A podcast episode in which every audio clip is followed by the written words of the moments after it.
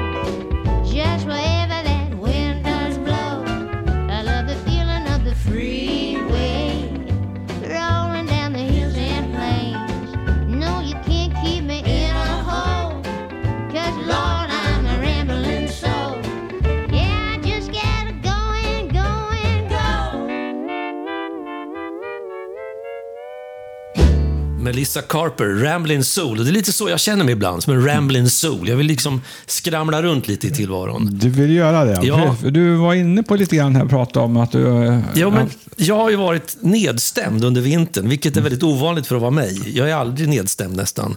Eh, Jag vet inte vad det berodde på. Jag tror jag, jag har en. Det där började när jag var i Rwanda och drabbades av den afrikanska magsjukan. Det händer någonting med en människa som ligger på ett hotellrumsgolv helt ensam, tusen mil hemifrån och liksom bara tycker synd om sig själv. Eh, så att när jag kom hem och magen inte funkar som den skulle så tyckte jag ännu mer synd om mig själv. Och så har det hållit i sig och så har jag inte kunnat vara ute och cykla sen i slutet på november. För cykling är en grej som oftast gör mig glad. Eh, så då. Så tänkte jag, men ska det vara så här? Jag måste hitta på någonting. Och då gick jag som så ofta förr till YouTube för att se om jag kunde hitta någonting som gav inspiration där. Och då kände jag att det är bara för mycket. Det är folk som gör såna otroligt häftiga grejer. Och jag behöver inget häftigt, jag vill bara liksom få en liten kick. Så, men så sprang jag på en snubbe från eh, Nederländerna. Jag vet inte vad han heter. Han kallar sig för Cycling around the planet. Okej. Och han satte mig på banan på riktigt. Låt höra. Jo, att han ha, lägger ut massa filmer och så var det en serie där jag hookade på den för att den handlar om Sverige och Norge. Och det här utspelar sig i början på 2020. Pandemin har precis börjat på sprida sig på riktigt. Han har planerat att cykla i Norden och skulle inleda med att cykla hemifrån där han bodde då, strax söder om Amsterdam, upp genom Tyskland, genom Danmark, ta en färja till Island och så cykla runt Island. Eh, och, eh, men han säger där i början på det här filmklippet att han vet inte riktigt hur det ska gå med det där för att det, det är lite så här besvärligt med att passera gränser och sånt. Han sticker iväg och sen så berättar han i den här, från ett ställe i, i eh, Danmark, eller i norra Tyskland, att färjan till Island är inställd. Det går ingen, han kommer inte till Island. Så han tänker om. Så att han cyklar lite längre österut där i Tyskland, till Travemünde och tar färjan över till Trelleborg. För Sverige är inte särskilt stängt. Och sen cyklar han genom Sverige för att ta sig då längs eh, ostkusten upp till Stockholm. För att sedan ta sig hela vägen upp till Lofoten, det är planen. Och där någonstans, på väg genom Småland, så fick jag tillbaka livsgnistan. Därför att det var ju ganska... Det händer inte mycket i de där filmerna. Han cyklar och så är det lite snygga vyer. Och det är grusvägar och det är skog och det är kärnar. Inte en käft ute. Det är, det är tidig vår och det är pandemi. Så inga människor syns. Och så rätt vad det han kommer att cykla på en sån här vanlig, du vet, rak grusväg mellan tallar. Rätt ospännande. Och så säger han bara, det är så fantastiskt vackert här. Och då slår det mig att, att min bakgård, det är någon annans äventyr. Och då kände jag, varför ska man sträva efter att hitta den där häftiga upplevelsen på andra sidan jordklotet? Har du en cykel och en grusväg så har du ju äventyret precis inpå. Och jag har ett påbörjat äventyr, också från pandemitiden. Nämligen när landskapsgränsen Närke runt. Ja, det vet du. Det har vi ett antal program tillbaka, ett antal år sedan, som vi hade snack om det, där du tvingades bryta. Du blev lite trött. Ja, jag blev lite trött. Och precis som den här holländska killen, så han blir också lite trött på ett ställe. Han cyklar och så berättar han där i kameran att han har tappat sugen. Det är din kaffemaskin som brummar i bakgrunden. Okej. Den har också tappat sugen. Vi har inte beställt något på länge, så nu rengör den sig själv. Ja, det är bra det. Ja, nej, men han, han har cyklat, då har han cyklat, jag vet inte hur många, sex veckor, typ sju, mellan sju och tio mil om dagen. Och så börjar han tycka att det är tråkigt. Det är så att min kropp kan inte tillgodogöra sig energi längre. Alltså han, han äter pasta och socker och sånt där. Det händer Nej. ingenting. Eh, så att han är inne på att han ska ta en vilodag. Eh, och så där kan det vara. Och det var vad som hände mig, fast redan på andra dagen. För jag cyklade ju på en single speed med släp. Och det hade sina begränsningar, kan jag säga, rent utväxlingsmässigt i backarna. Så att jag tog helt slut. Alltså jag, jag, var, det, jag hade stannat i Laxå för att käka lunch och fick inte den där kicken av, av maten som man kan få. Säkert om man, är, om man är hungrig och lite trött. Men det hände ingenting. Det var bara, gardinen gick ner. Liksom. Och då hade jag ett lockande erbjudande från en kompis. Om det händer någonting på resan, ring mig. Jag kommer att hämta dig var du än är. Så då ringde jag honom. Okej. Men eh, utifrån det här, nu- nu du kikade på den här YouTube-filmen Mm. på den här eh, tyska killen, eller eh, holländska killen var det. Och då tände du, kom du tillbaka lite grann Ja. och sen dök det upp det, här, det nya det äventyret. Ska Ja. du ta vid där du var eller tänkte du starta om jag från startar rutan? om från början. Ja. För nu har jag en, en bra cykel. Jag kommer ha en ännu bättre cykel Ja. Eh, här i vår. Så att då kommer jag starta hemifrån, göra om samma upplägg. Och det är ju grusvägar rätt mycket på den här rundan. Men jag kommer kanske att finslipa rutten lite grann. För att om möjligt åka ännu mer grus. Okej. Så då. Och för att det ska bli av, det räcker inte med att jag säger det till dig. Jag vet att du kommer att hänga på som en igel och liksom tjata. Hur går det? Har, har du bestämt det? När åker du? Eh, så har bestämt, i maj ska jag göra det. I mars, ja. Mitt Nå- under brinnande Giro d'Italia. Mm. Ja, men man kan ha med sig det i Ja. sitt device. Ja, det får man. Det, Ja. det får man ha. Och då har ju Absolut. perfekt, det kan jag säga till den som inte har testat, att bara lyssna på de här sändningarna. Det funkar jättebra. Det funkar det bra, ja. Ha- Har du sett en alptopp och en kyrka har du sett alla. Är det så? Lite Va? så är det ju. Ja, i viss mån kanske det kan vara så. Jag ska berätta lite grann sen. Eh, vi ska köra lite musik. Men vad spännande det med, med, att med, med nedstämdhet och så vidare. Det är många som eh, mår lite kyvens va? Liksom här och där i, i livet lite grann. Och, eh, inte minst då så här års. När, men visst. Och så- den här längtan, och det är det som är problemet. Tänker jag, att man, att man håller på, längtar efter helgen, man längtar efter semestern, man längtar efter ett äventyr. Man måste ju hitta det som du är inne på, lite glädjen i vardagen. Mm. En, en, en bra kompis som aldrig sviktar är ju cykeln. Ja, men så är det ju. Och då, varje gång man har cyklat så blir man ju faktiskt lite gladare. Ja. Till och med om man är ute och kör i ett kallt garage och kör på en, en gammal testcykel så är man lite gladare när man kommer in. Va? Det är inte händer- konstigt. Jo, men det händer ju någonting. Ja. Det gör ju det. Så att, ja, men, eh, ja, och så känner jag så här, att ett sånt där nära äventyr, Mm. det, det är ju ganska lätt Fortfarande är ju tröskeln, du ska liksom ändå sätta igång med det. Men det är ganska lätt att planera det. Så att det, be- man behöver inte, det behöver inte falla på att jag måste ordna transport av en cykel till andra sidan jordklotet. Nej, och man behöver inte involvera så mycket andra människor. Nej. Man behöver inte ta massa tid från eh, dem heller. Vi har ju haft Magnus Lager med oss som Mm. pratat om eh, för ett par år sedan. Liksom, han var ju specialist på att hitta liksom, de här nära äventyren i vardagen. Jag vill minnas att han eh, nattade barnen och så vidare och sen stack han iväg ut och Till- sov under bar himmel Ja, någonstans. eller något vindskydd ja, eller någonting. Ja, jättehäftigt Så alltså. Så det är inspirerande. ja, man blir sugen. Eller hur?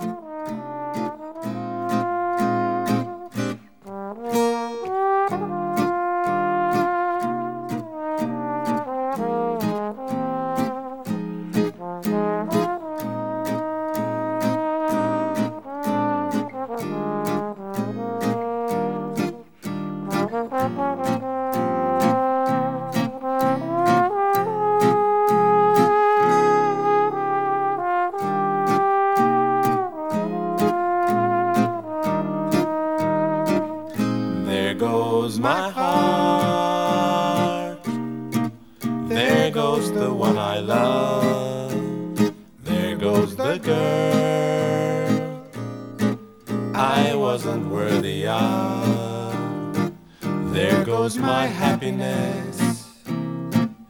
It couldn't be. There goes somebody else in place of me. Goodbye, romance. It couldn't last somehow. I had my chance, it's all over now. I never thought that she could pass me by.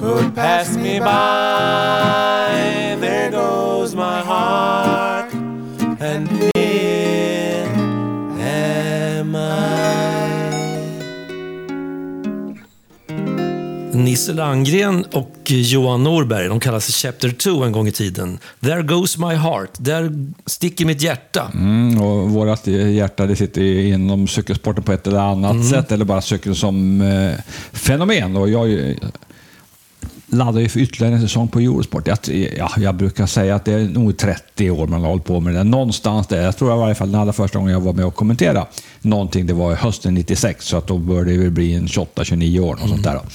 Eh, så inte riktigt 30 ännu då, men eh, det kommer bli eh, ungefär som det har varit tidigare. Lite färre dagar, försöker jag dra ner lite grann och det vill jag ju göra för att jag ska hinna med lite andra saker. Lite äventyrsaktiga som du är inne på lite grann.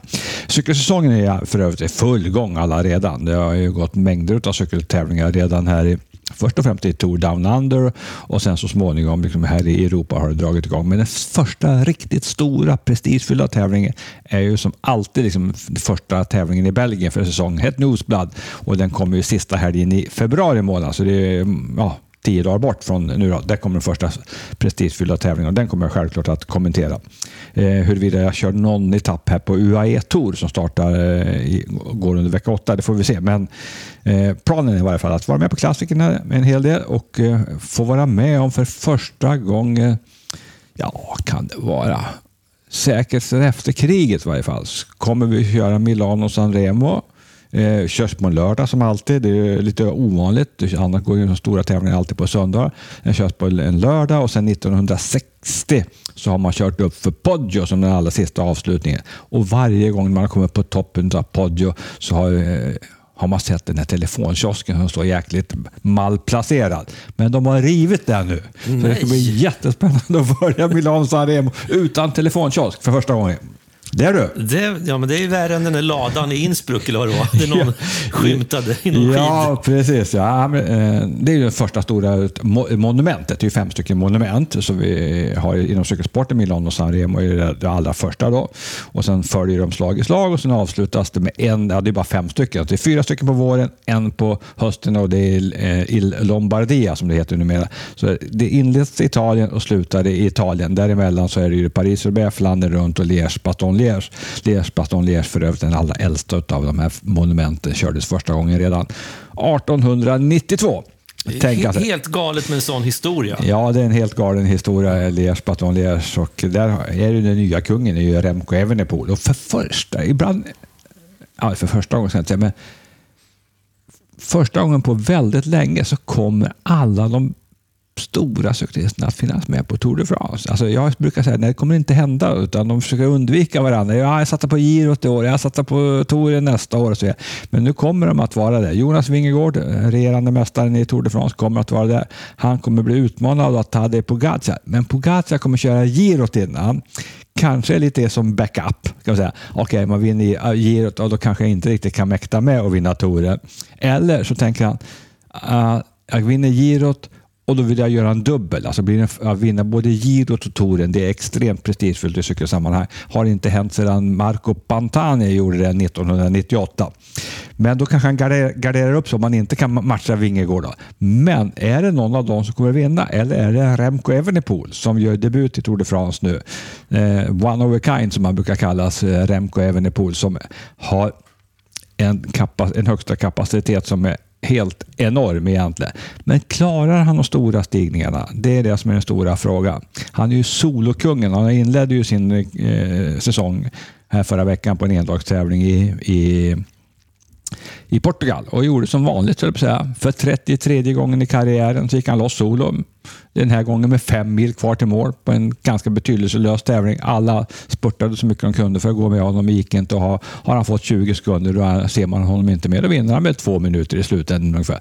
Så inledde han sin eh, säsong här 2024. Så Remco Evenepoel kommer, Tadej Pogacar kommer, Jonas Vingegaard kommer. Det är ju för häftigt egentligen. Det blir lite av Mästarnas mästare. Ja, ja precis. säga. Verkligen. Att vinna eh, touren 2024 är något utöver det vanliga. Så tänker vi i varje fall.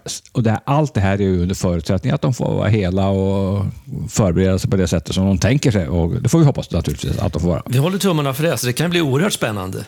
Av många skäl. Av många skäl, ja. Så finns det en massa andra saker som är spännande. Men det där är härligt. Tadej Pogacar har ju fått styrt om sitt program lite grann. I fjol vann han ju Flandern runt. Alltså det var ju liksom osannolikt på något sätt. Han är ju, ja, i mina ögon kanske den mest kompletta av de här eh, cyklisterna, Tadej Pogacar. Men nu kommer han ju stå över Flandern runt. Nu är det lite öppet där igen då, vem som ska kunna vinna det. Och, eh, och eh, mycket pekar ju på att eh, vårklassikerna kommer handla om dem det brukar handla om. Mathieu van der Poel, hur bra har inte han varit under cykelcross-säsongen? Vann väl alla tävlingar utom en tror jag. Eh, och blev ju världsmästare för sjätte gången, eh, Mathieu van der Poel. Så att han, eh, ah, det blir jättehärligt att se alla de här cyklisterna när de börjar varva igång ordentligt. Och då börjar till och med Adamsson varva igång för en ny säsong. Ja, precis. Eh, Då är det en ny säsong på gång. Jag och Roberto Vacchi, vi kör som vanligt. Det är bara pang på och eh, nördarnas paradis ungefär. Ja.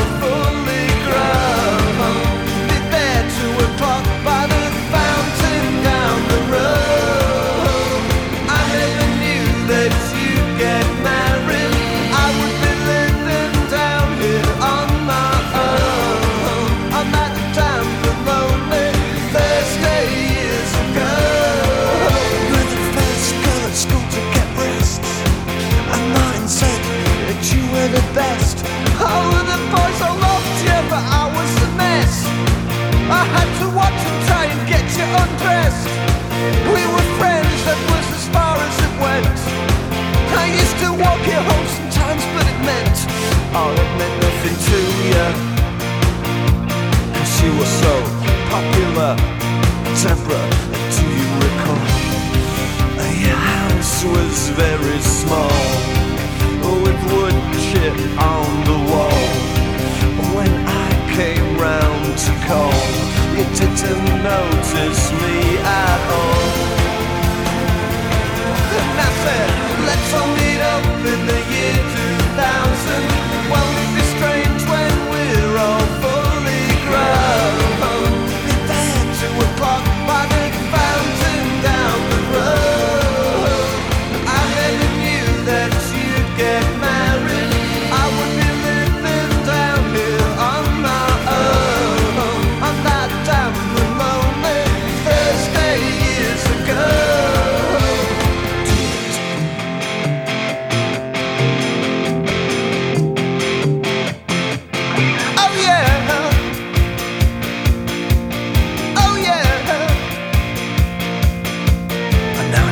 over. We paid you money, we've taken your choice. And I know we'll never meet again.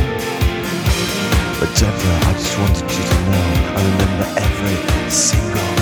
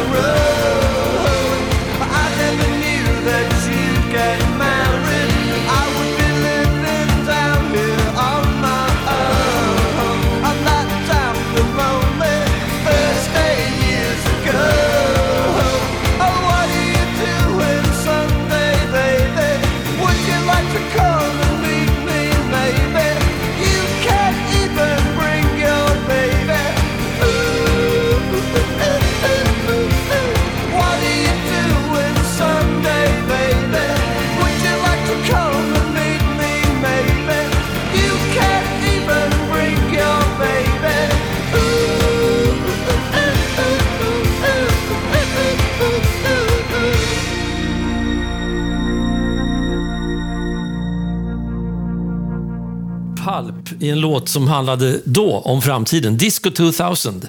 År 2000. Så att jag tänkte, det är ju för tusan länge sedan. Det är snart 20 år sedan. Men det är ju 24 år sedan. Ja, är kvart sekel sedan. Du. Helt sjukt. Helt sjukt. Tiden går fort när man har roligt och roligt har man åker cykel. Men du, eh, fanns det något tema på musiken idag? Eller? Jag har inte lyckats lista ut det idag heller. Så Nej, fall. men jag tror temat, hur tänkte jag? Temat var nog den här känslan av att själen är fri. Själen är fri. Eh, och har man en cykel så kan man dessutom transportera själen på ett snyggt och effektivt sätt. Och miljövänligt. Miljövänligt dessutom. dessutom. Ja, precis, ja. Jo, du, eh, tävling. Vi har ju alltid en tävling här i, i cykelradion och precis som jag sa tidigare så är vi jätteglada att kunna presentera att Kalas cykelkläder är med oss även 2024 med en helt ny, en helt ny kollektion. Den som vinner den här tävlingen, eh, den förra, alltså, som vi alldeles strax ska redovisa, får ju från den gamla kollektionen. Eh, sen, från och med nästa program, så är det från den nya kollektionen som man har en chans att vinna. Den jag tycker ju som sagt att den är jättebra. Du, vad var det för tävling sist senast? Mm, ja, frågan om du kommer ihåg om jag talar om vad som var rätt svar. Eh, att eh, bröderna Fåglum handlar det om. Bröderna Fåglum, ja. ja Och var... orten Fåglum spelar roll för Ja, svaret. ja, då var det så att de här bröderna Fåglum, alltså Gösta, Sture, Erik och Thomas Fåglum som de kommer att kallas. Men det var ju Gösta som var den första Fåglum, Gösta som fortfarande heter Pettersson medan de andra har tagit också namnet Fåglum. De inledde sin karriär, eller två av dem i varje fall, jag att det var Gösta och Erik tror jag var de första som började i just Fåglum CK.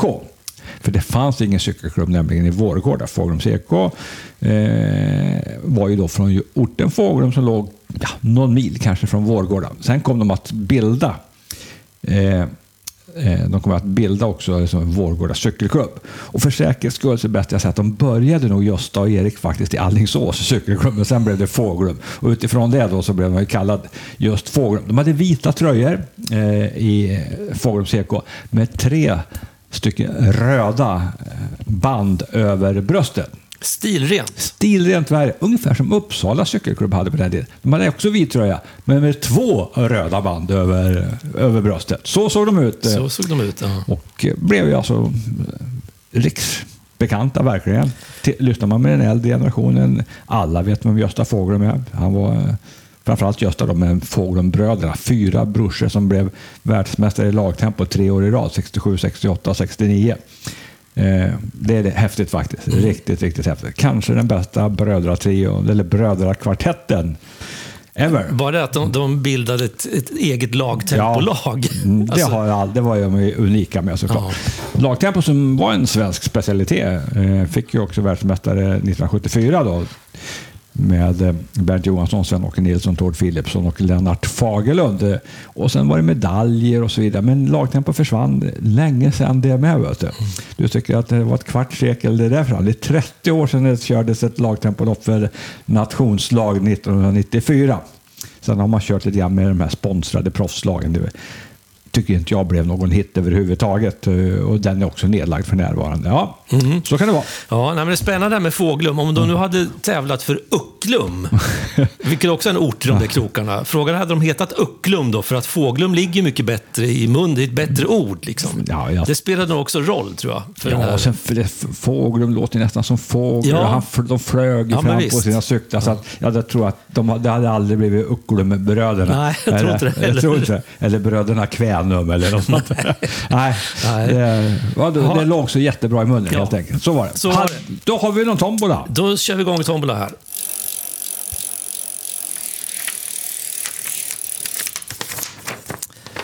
Uh, ha det gött, skriver Jonas, som också vet att de fick eh, namnet efter orten Fåglum i Essunga kommun. Mm. Jonas, som har han något, något efternamn? Moberg.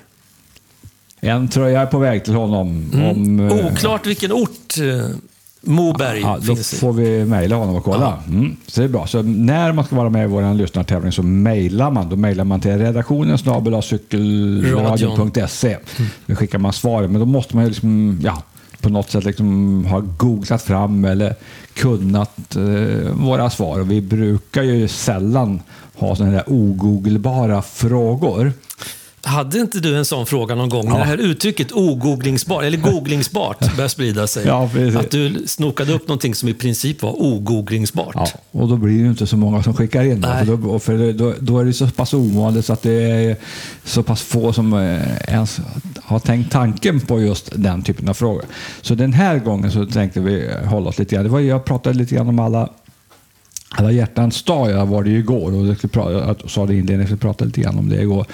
I, i, lite senare i programmet. Då. Så det är så att alla hjärtans dag är för mig väldigt mycket förknippat då, naturligtvis med allt vad det innebär. Det är ju liksom en, en amerikansk företeelse vi har tagit hit. Det känns precis där. Men jag kommer ju alltid att tänka på den tragiska bortgången utav Marco Pantani. Alltså det var ju på just på alla hjärtans dag i, i år för 20 år sedan som han hittade stöd på en, eh, ett hotell i Rimini, Marco Pantani, som jag också nämnde lite grann tidigare, den senaste cyklisten som faktiskt har vunnit både eh, Giro d'Italia och Tour de France på ett och samma år. Och när han vann girot, det var ju som, ah, det girot var ju stora för Marco Pantani. Han var ju som en gud i Italien för den italienska publiken. Och jag läste en stor, lång, stor artikel om honom igår i Gazzetta dello Sport där man fortfarande saknar som Pantani. Man saknar en efterträdare. Kommer det någonsin bli någon efterträdare med den stjärnstatusen och den karisman då som eh, piraten hade? Alla stora såna här bergs specialister har alltid ett smeknamn. Att det finns ju Contador och de här. Ja, men han hade El Pistolero förvisso, men han var ju komplett cyklist. Pantani var ingen komplett cyklist. Han var en bergsåkare. Ungefär som eh, örnen från Toledo, Federico Bahamontes. Liksom. Han var också en, en sån. Eller eh, Charlie Goll från eh, Luxemburg. Så här. Som de hade, och så fick de smeknamn hela tiden. Men Pantani, man saknar honom jättemycket. Italiensk cykel är på nedgång så det bara verkar om det. Det liksom händer ingenting. Det, det dyker upp cyklister från Norge, Danmark, Slovenien, eh, USA och överallt. Men det dyker inte upp någon italienare. Som, eh, intresset minskar eh, jättemycket faktiskt. Men man, man saknar Marco Pantani då, som, jag, som sagt var gick bort då, på eh, alla hjärtans dag 2004. Men det skulle jag prata om i det fallet. Men vad med denne Marco Pantani? Det är ju en svensk i alla fall då, som, har varit lagkamrat med Marco Pantani under hans, eh, bland de allra sista åren. Så frågan för det här programmet, eh, lyssnarfrågan är, vad hette svensken som var lagkamrat med Marco Pantani? Vem var han? Det är ni, och kan ni det? Då skickar ni svaret till. Redaktionen snabel-a-cykelradion.se Men hur länge kan man hålla på då och skicka in svar? Ja, det kan man, man kan hålla på och skicka in svar ända till nästa program. Och när kommer nästa program? Det är ingen som vet. Nej. Det kan vara... Alltså, skicka in så fort ni kan. För att uh, ja, vi har ju ingen aning, sig du eller jag. Nej, rätt vad det är så rinner det till och då sitter vi här någonstans i ett kök och gör ett nytt avsnitt. Det låter bra det. Ja. Har vi någonting mer, Thomas? Nej, Nej? Utan det är slut för idag. Tack för idag. Cyk, cykla lugnt. Nästa gång vi är i sändning, då har vi cyklat i varje fall. Det har vi Ordentligt. verkligen gjort. Hej svejs.